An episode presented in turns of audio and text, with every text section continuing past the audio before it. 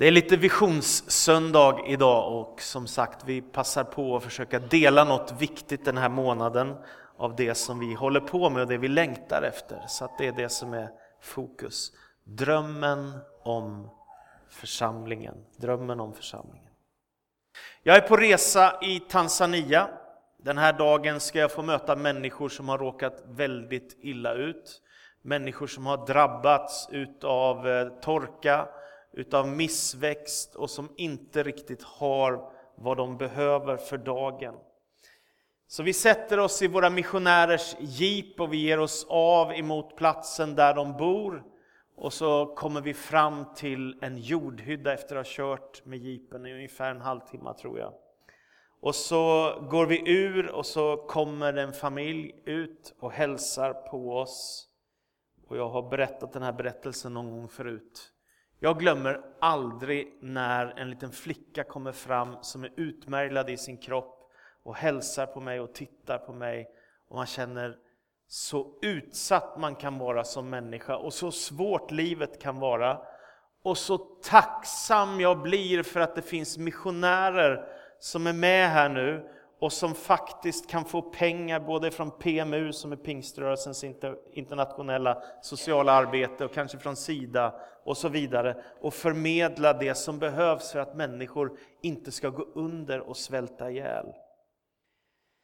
Jag åker därifrån omtumlad ifrån ett möte med människor som är riktigt utsatta av livets stora, stora svårigheter. Och när jag ser våra missionärer, hur de agerar och vad de är redo att göra för att människor ska överleva, så känner jag, det finns inget som församlingen när den fungerar som den ska. Jag är på gudstjänst. Den här söndagen blir en väldigt stark gudstjänst. Lovsången berör och det är en vacker solosång som sjungs. Så är det dags för predikan och det är ett väldigt hoppfullt budskap av en gästpredikant som kommer och delar något viktigt av evangelium den här dagen. Och så ser jag bland gudstjänstfirande en kvinna som jag aldrig har sett förut i vår församling. Och jag ser hur tårarna strömmar ner ifrån hennes kinder och hur berörd hon har blivit av det som händer när evangeliet går ut. Och det lägger grunden för ett nytt liv och hon tackar ja till frälsningen i Jesus Kristus. och Ett nytt liv startar med hopp för evigheten i gemenskap med Gud. Och när jag ser det hända så tänker jag, det finns inget som församlingen när den fungerar som den ska. Jag möter en familj som kommer nyinflyttade till vår stad Eh, och inte känner en enda människa. De har inte börjat jobba än, har inte fått vänner, känner ingen här. Men så kommer de till kyrkan och här blir människor glada för att det kommer nya människor.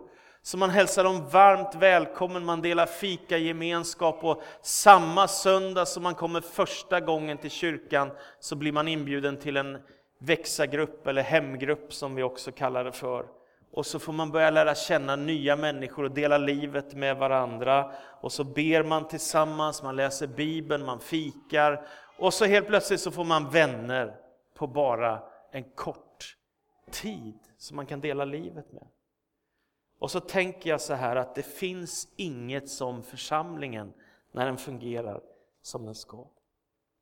Jag sitter hemma och dricker en kopp kaffe och så händer det där, telefonen ringer och jag hör att det är en av mina vänner och han darrar på rösten. Jag tänker, vad är det nu som har hänt? Eller som kommer att hända? Och så säger han, pappa ligger på sitt yttersta. Det är sista stunderna nu i hans liv, kan du komma? Det är klart att jag gör. Så jag tar på mig lite finare kläder och så åker jag åker till min vän och hans familj och så stiger jag in där i deras lägenhet. Och så sätter jag mig bredvid hans pappas dödsbädd de sista stunderna i livet. Jag ser hur försvagad blicken är och denne man som har levt ett ganska långt liv är på väg hem till Jesus. Denne man som jag sitter bredvid har predikat evangelium i över 50 års tid Och så sitter jag där med en pastorsson som nu är på väg att förlora sin pappa. Han ska hem till himlen. Och så läser vi Bibeln tillsammans och så ber vi. Och du vet, man kan höra en knappnål falla i sådana stunder. Och så tänker jag när jag ser och hör det som jag kan läsa i Bibeln, så älskade Gud att han gav den sin enda son, så att de som tror på honom inte ska gå under utan ha evigt liv. Så tänker jag, det finns inget som församling, när den fungerar som den ska. Jag är på väg till kyrkan. Det är en gästpredikant och det var på den här tiden när jag jobbade i Jönköping, i Pingstkyrkan där. Och det händer något väldigt, väldigt starkt i gudstjänsten. Det blir en sån stark atmosfär. Och människor är djupt berörda och det här är början på en mindre väckelse bland missbrukare i Jönköping. Människor som kämpar med alkoholproblem och som brottas med livets svårigheter som människor kan göra. Den där söndagen så är det många människor som kommer fram för att lämna sina liv till Jesus Kristus och ta emot honom som frälsare och Herre. Och det blir början på en av de största dopår som vi hade. Vi fick döpa 64 människor i vatten till tron på Jesus Kristus under det året. Människor sökte Gud hela tiden. Och att få se en människa som har varit en missbrukare och levt med alkoholmissbruk och drogmissbruk klä på sig vita kläder, stiga ner i dopgraven, lämna sitt liv till Kristus och stå upp till ett nytt liv. Det är oändligt vackert. Och så tänker jag, det finns inget som församlingen när den fungerar som den ska. I fredags kväll har vi en bild här, jag vet inte om ni kan se, jag tog den själv med min telefon. Så var jag överlycklig. Vår ungdomspastor Lukas Olsson har ett helt år gått och burit på en dröm att få starta upp ungdomsmöten. Och så kom han med lite häftigare namn än vad vi har på svenska. Så det heter Encounter. Jättehärligt. Och jag sa till Lukas, oavsett om det kommer 30, 50 eller 70 så är vi glada om de kommer hit för att vara med på vår eh, ungdomsgudstjänst här på fredag kväll. Och så kom det drygt 100 personer på vår fredagkväll. Här i fredags satt i vår kyrka och det var bara lovsång, predikan, frälsningsinbjudan och förbön. That's it! Och fullt med ungdomar. Fantastiskt! Jag blir så tacksam och tänker det finns inget som församlingen när den fungerar som den ska. Nu läser vi två bibeltexter, Habakuk kapitel 3 och Matteus 16. Habakuk kapitel 3, vers 1. En bön av profeten Habakuk. Herre, jag har hört om dina gärningar. Jag har sett dina verk. Förnya dem i denna tid, ge dig till känna i denna tid. Minns i dess oro din barmhärtighet. Gud kommer från Teman, den helige från berget Paran. Himlen är uppfylld av hans prakt, jorden är full av lovsång till honom. Glansen är som solens ljus som har fått sina strålar av honom. Hans makt är dold i den. Och så läser vi Matteus evangeliets 16 kapitel, vers 13 till 19. När Jesus kom till området kring Caesarea Filippi frågade han sina lärjungar, vem säger människorna att Människosonen alltså Jesus är. De svarade, somliga säger Johannes döparen, andra säger Elia eller Jeremia eller någon profet. Och ni frågade han, vem säger ni att jag är? Simon Petrus svarade, du är Messias, den levande Gudens son. Då sa Jesus till honom, salig är du Simon Barjona, ty ingen av kött och blod har uppenbarat detta för dig, utan min fader i himmelen.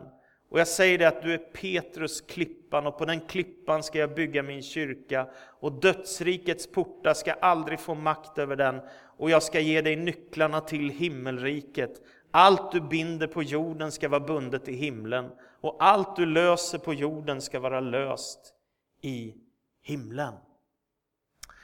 Vi börjar med profeten Habakuk. Han lever i en svår tid och han är ganska anonym i Bibeln. Han säger inte så mycket om sina omständigheter som profet i Gamla Testamentet, utan han berättar mest om utmaningarna som han möter i sin samtid. Troligtvis så lever han på 600-talet före Kristus, precis innan Israels folk ska föras bort i fångenskap i Babylon. Och han ropar till Gud i en tid utav våld, utav strid, utav kamp och ondska. Jag tänker det är lätt att känna igen sig. Och det är en ganska märklig bok, Habakuks bok, som finns i Gamla Testamentet. Därför att egentligen så är det bara ett enda långt samtal med Gud. Habakuk säger, Herre hur länge ska vi behöva leva med dessa våldsamma omständigheter? Ungefär så, i bönens ton så samtalar Habakuk med Gud. Och det är två kapitel utav oro, kamp och verop och oro inför Gud. Han ställer genomärliga frågor till Gud. Herre, hur länge ska vi behöva se sånt lidande i vår värld? Så det är en märklig profetbok i Gamla Testamentet. Annars är ju profeterna ofta så att de förutsäger vad som ska hända, skriver så säger Herren och så kommer ett profetiskt budskap. Men Habakuk brottas med Gud. Hur länge Herre ska du låta det vara så som det är? Och han ropar till Gud och så får han svar ifrån Gud. Och helt plötsligt så vänder perspektiven för honom. Och så börjar han be på ett nytt sätt och så ber han så här, vers 2, kapitel 3. Herre, jag har hört om dina gärningar, jag har sett dina verk. Herre, förnya dem i denna tid. Ge dig till känna i denna tid. Minns i dess oro din barmhärtighet. Jag tänker att Habakuk kan se tillbaka på en fantastisk historia när Gud har fört sitt folk ut ur fångenskap vet, Israels folk blev ju tillfångatagna och förda in i slaveri. Och det är vid det tillfället som Mose får uppdraget att gå till farao, den högste ledaren i landet, Egypten, för att be att Israels folk ska bli befriat ifrån slaveriet. Vilken oerhört tuff utmaning. Men Gud verkar i historien och Gud befriar sitt folk och folket får lämna Egypten och vandra in mot löfteslandet som Gud har gett dem enligt sitt ord och enligt de profetiska förutsägelserna. Så det finns en historia att se tillbaka på Guds makt och Guds trofasthet, Guds kraft i historien. Och han har också hört Habakuk hur Gud svarar på hans bön. Och då börjar han be den här bönen. Herre, förnya det som jag har hört och det som jag har sett. Dina väldiga gärningar, låt dem ske också i denna tid. Och minns i dess oro din barmhärtighet, ge dig till känna. Han ber om en förnyelse, en slags andlig förnyelse, att Gud ska handla i historien. Jag tänker att det är lätt att identifiera sig med den här situationen. Även om vi inte är i fångenskap så har vi gått igenom en av de märkligaste tiderna i modern tid i Sverige, tycker jag.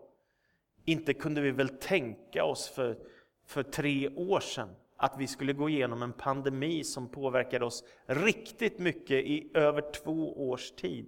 Vem skulle tänka att jag kommer få jobba hemifrån och sitta på Zoom-möten och Teams-möten hur många har gjort det? Jag tror det är ganska många av er va? som har kopplat upp er. Istället för att kunna jobba eller gå i skolan så har ni fått istället använda en dator hemifrån för att inte det där skulle drabba oss, det där eländet med covid. Inte bara det, i den här märkliga tiden, jag kommer ihåg min mamma ringde mig och så sa hon, det verkar som att Ryssland är redo att inta Ukraina. Och jag tänkte, nej men nu är du väl ute och cyklar, inte inte 2022 kommer man väl ge sig på Ukraina helt oprovocerat. Varför skulle man göra det? Och så händer det, och så har hon rätt. Och det bara bryter fram, och jag fattar ärligt talat ingenting. Vad är det för meningslöst våld? Och vad är poängen med att skicka människor i döden helt i onödan för lite landmark, eller vad då? Det är ju fullständigt galet. Det, det är ofattbart att man kan vara beredd att offra människoliv för lite mark. Det är, det är, jag kan inte begripa det. Ett krig har brutit ut. Det påverkar att inte Ukraina har kunnat skicka iväg säd som de brukar och, och, och sånt där vi behöver för mat med sina skepp ifrån sina hamnar. Det har påverkat att elpriser och räntor går i höjden efter allt som har hänt i vår tid. Märkligt, och jag tror att en del svenskar faktiskt på allvar är oroliga för hur man ska ha råd att värma upp sitt hus den här hösten när det blir kallt. Eller sin lägenhet. Va? Hur ska det gå nu när det är så här tufft? Då tänker jag, tack gode Gud att jag är kristen. Tack för att jag får ha en tro, tack för att jag får tillhöra världens största rörelse i mänsklighetens historia. Den kristna kyrkan som är global. Det är helt fantastiskt. Och så kan jag ha en bön att be, och min bön är samma som Habakuks. Jag har hört om dina gärningar, Gud. Jag har sett dina verk, Herre. Förnya dem i denna tid och ge dig till känna i denna tid. Minns i dess oro din barmhärtighet. Den bönen känns så självklar att få be, att Gud ska verka med sin kraft just nu i vår tid. Och jag tänker att vi som kyrkor har också en stor utmaning. Jag märker när jag pratar med präster och pastorer att vi har fått en ny lägstanivå. Det vill säga folk har vant sig av att inte gå regelbundet till kyrkan. Det är färre folk i kyrkorna. Det kan man förstå när pandemin är riktigt besvärlig. Eller om livet är tufft allmänt, att man är sjuk eller, eller man inte orkar eller vad det är. Men, men det tycker jag är bekymmersamt. Va? Vi har fått en ny lägre lägstanivå på gudstjänstfirande och deltagande i kyrkornas verksamhet. Överlag, inte överallt, men på många platser hör jag det, att det är färre som kommer regelbundet. Och det tänker jag, det måste vi vända på. Nu är det läge att steppa upp igen och komma igen och vara med och hänge sig för Gud. För om Guds rike ska bryta fram i Sverige efter pandemi, i samband med elpriser höjs och krig pågår i vår närområde och allt vad det är. Ja, men då behöver vi en kyrka som är på tå, människor som vill någonting för Guds rike och som tänker jag ska inte bara arbeta med mitt arbete, jag ska också hänge mig för Guds rike. Och jag tar med Guds rike rakt in i mitt arbetsliv, eller i min skola, eller bland mina vänner och grannar. Jag berättar om det som är det viktigaste i mitt liv, Jesus Kristus. William Carey, om du har nästa bild. Eller funkar den inte? Strular? Jo, titta, den funkar. Han, han tänkte att Gud kallar på mig att resa till Indien för att bli missionär. Ni vet, Indien är ett väldigt speciellt land och Asien överhuvudtaget. Många hinduer, buddister och muslimer. Det är en jätteutmaning. Och hans vänner säger, nej men du ska väl inte göra en sån sak, åka iväg så. Det kan vara farligt för dig. Och om Gud vill frälsa Indien så kan han göra det utan dig. Det är fina, fina råd han fick av sina kära kollegor. Men han har en inre passion, ett hjärta som klappar för evangeliet. Och han bland annat säger de här vackra orden. Vänta stora ting från Gud och våga stora ting för Gud. Vad händer om man inte gör det? Ja, men livet blir lite tråkigt, eller hur? Det är lättare att hela tiden köra i sin comfort zone, som man säger, men det är väldigt mycket tråkigare det är mycket mer spännande att våga kasta sig ut i olika äventyr och utmaningar för Guds rikes skull. Våga stora ting för Gud och vänta stora ting från Gud. William Carey får göra en enormt stor skillnad för massor av människor som kommer till tro på Jesus Kristus. Tänk om han inte hade åkt. Så flyttar vi framåt i tiden från Habakuk fram till Kristus. Och så kan vi se att Gud fortsätter sin frälsningsplan. Han verkar genom historien med sitt folk och nu verkar han genom Kristus. Och här kommer den avgörande frågan när det ställs på sin yttersta spets. Varför behöver vi Jesus? Om Jesus är en religiös gestalt bland alla andra som vi kan ha religionskunskap om så är det ganska ointressant. Men om Jesus är Guds son och Messias, den utlovade som det står här i bibeltexten, i Gudsordet, ja men då är han ju ojämförlig, enastående. Det finns ingen som honom i världshistorien och ingen är mer betydelsefull och ingen har något viktigare att säga än Jesus Kristus. Och det är min tro. Det är min tro. Att det finns ingen som Jesus. Ingen har gjort som det Jesus har gjort. Ingen har sagt det som han har sagt. Han har förändrat världen. Och så sägs det om denna gudason vars grund liksom är för församlingen. Va? Vi bygger den på att Jesus är Guds son och världens frälsare. Han säger i vers 19 i Matteus 16 till kyrkan. Jag ska ge dig nycklarna till himmelriket. Allt du binder på jorden ska vara bundet i himlen och allt du löser på jorden ska vara löst i himlen. Det vill säga kyrkan har med himlen att göra. Om kyrkan bara vore, ja men det här är en gemenskap och sen har vi en annan gemenskap, en förening där man också tycker det är trevligt att sjunga lite och någon säger något trevligt. Om det inte är mer än så, så vore det inte så märkvärdigt. Då är vi en av alla andra. Men om det är så att kyrkan har med himlen att göra, då är det fruktansvärt stort det vi håller på med. Då har det evighetskonsekvenser det som vi håller på med. Och det fantastiska som står här är att vi kan vara med och lösa människor. Och jag tänker att det handlar om att man kan få bli befriad ifrån sin synd, förlåten för det som har blivit fel i sitt liv. Man kan få komma till tro på Kristus som Guds son och världens frälsare. Man kan få bli döpt i vatten och få gå in i relation till Gud och bli en del av den kristna kyrkan. Det byggs på sanningen om Kristus som Guds son och det betyder att kyrkan är Kristi kropp i världen. Och han säger att dödsrikets portar ska aldrig få makt över den. Det är helt fantastiskt. Så man behöver bara tänka så här som kristen, om man nu har kommit till tro på Kristus eller vill göra det. Kyrkan ska vara Guds redskap i världen. Varför är det viktigt att fira gudstjänst? Därför att kyrkan är Guds redskap i världen. Varför är det viktigt att jag använder mina gåvor som jag har fått i gudstjänst? Därför att kyrkan är Guds redskap i världen. Varför är det viktigt att vi visar kärlek mot andra människor som har det svårt? Därför att kyrkan ska återspegla Jesu ansikte i världen.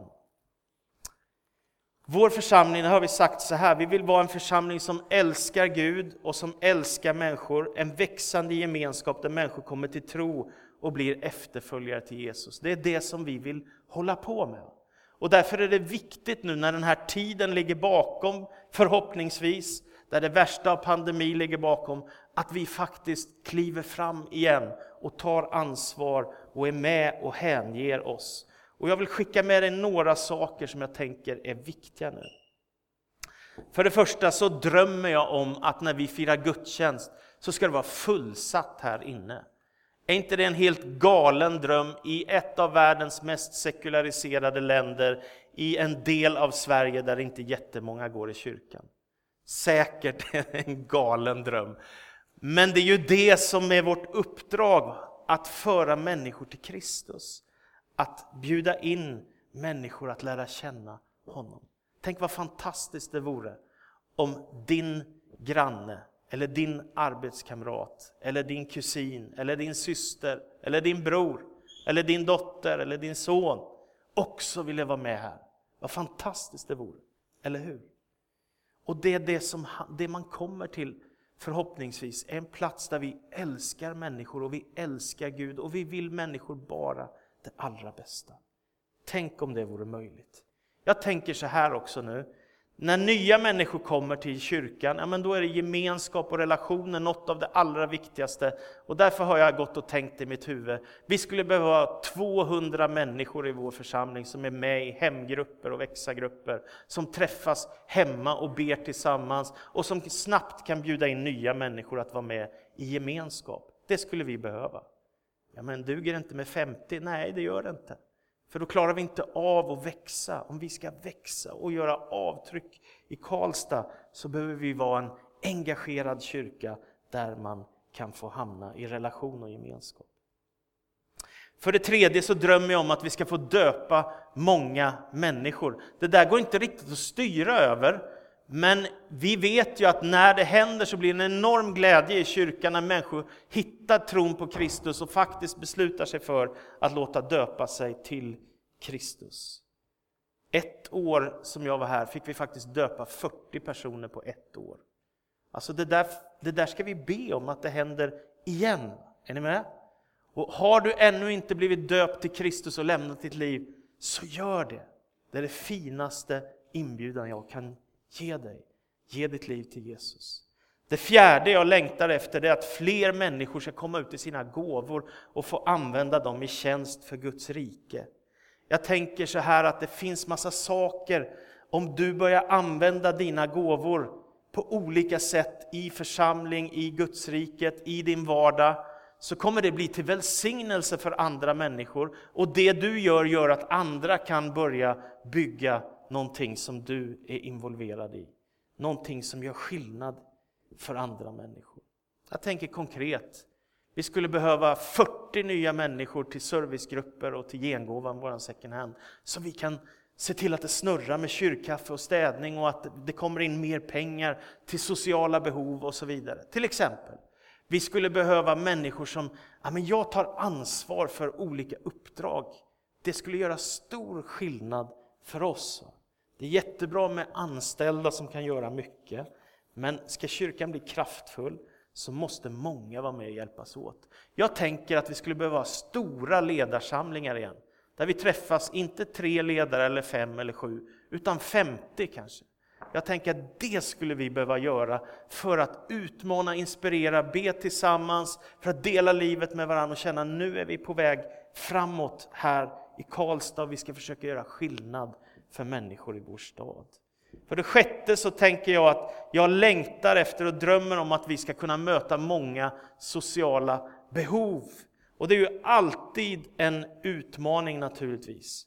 Vi gör olika saker, vi har det goda samtalet själavård med duktiga människor som inte tar betalt en enda krona och du kan få komma och möta människor när du är i en tuff situation, i kris eller när du bara behöver vägledning och goda råd. Vi delar ut matkassar ibland, vi stöder sjukhuskyrkan och RIA, vi driver språkcafé, vi har varit engagerade i vintervärme och massa annat och vi jobbar i flera olika länder. Alltså vi vill betyda något för människor som har det svårt i vår stad. Och för det sjunde så tänker jag att vi ska fortsätta växa som internationell kyrka också. Det är min dröm. Jag tycker att det är så fruktansvärt roligt att när vi träffas vid kyrkkaffe till exempel på söndagar så behöver man inte bara prata om vad hände i Grums, eller i Skåre, eller i Karlstad eller på Hammarö. Utan man kan få prata om vad hände i Kamerun, eller vad hände i Burma, eller vad hände i Tanzania? Eller vad hände i Kongo? Eller vad hände i Latinamerika? Det är väldigt roligt. Och din värld blir större och vidgas och du får människor som kan ge dig mycket mer än vad du visste innan från andra horisonter än du och jag har. Så jag vill bara uppmuntra oss till det. Och tänk också att vi får jobba i många olika länder. Jag tyckte det var så fantastiskt att höra Svante säga Ibra är vi ju involverade i, Svante Hector, vår missionär och vice föreståndare. De senaste åtta åren var det, va? Visst var det så? Så har, jag tror det var drygt 2100 församlingar som har grundats genom Ibras missionsarbete. Det är vi en del av. 2100 nya kyrkor runt om i världen där människor kanske aldrig förut har hört evangeliet. Det är helt fantastiskt. Så till slut, därför tänker jag att vi behöver be och vi behöver ge. Vi behöver vara engagerade. Nu, nu har vi haft bön den här veckan, vilket har varit väldigt härligt att bara samlas och be. Och vi behöver också fundera på, ska vi göra mer av detta framöver? Och så tänker jag också att vi behöver vara med och ge generöst. Det har jag lärt mig, särskilt på äldre dagar, att det är härligt att få bli till välsignelse för andra människor och vara generös med det som Gud har gett oss. Det som är möjligt att göra. Så jag önskar dig all välsignelse och jag avslutar med att läsa. Herre, jag har hört om dina gärningar, jag har sett dina verk. Förnya dem i denna tid, ge dig till känna i denna tid. Minns i dess oro din barmhärtighet och himlen är fylld av Guds prakt, jorden är full av lovsång till honom och glansen är som solens ljus som har fått sina strålar av honom. Hans makt är dold i den. Det finns inget som församlingen när den fungerar som den ska. Lovad är du Jesus Kristus. Jag tackar dig för att du kallar på oss och du drar i våra hjärtan här och när vi reser på oss Gud och vill göra skillnad så har det betydelse för att andra människor kan se och höra evangelium. De kan få vara med och bli bemötta med kärlek. De kan få en matkasse, de kan få en kram och de kan få omsorg. De kan få hjälp på en second hand-butik, de kan få vara med och hjälpa till i en servicegrupp här. De kan få vara förebedjare eller lovsångare eller söndagsskollärare eller ungdomsledare eller senioransvariga eller ekonomiansvariga. Och allt detta handlar ju om ditt rike, att det ska utbredas, att människor ska se vem du är, Herre. Så jag ber om välsignelse nu i Jesu Kristi namn. Amen.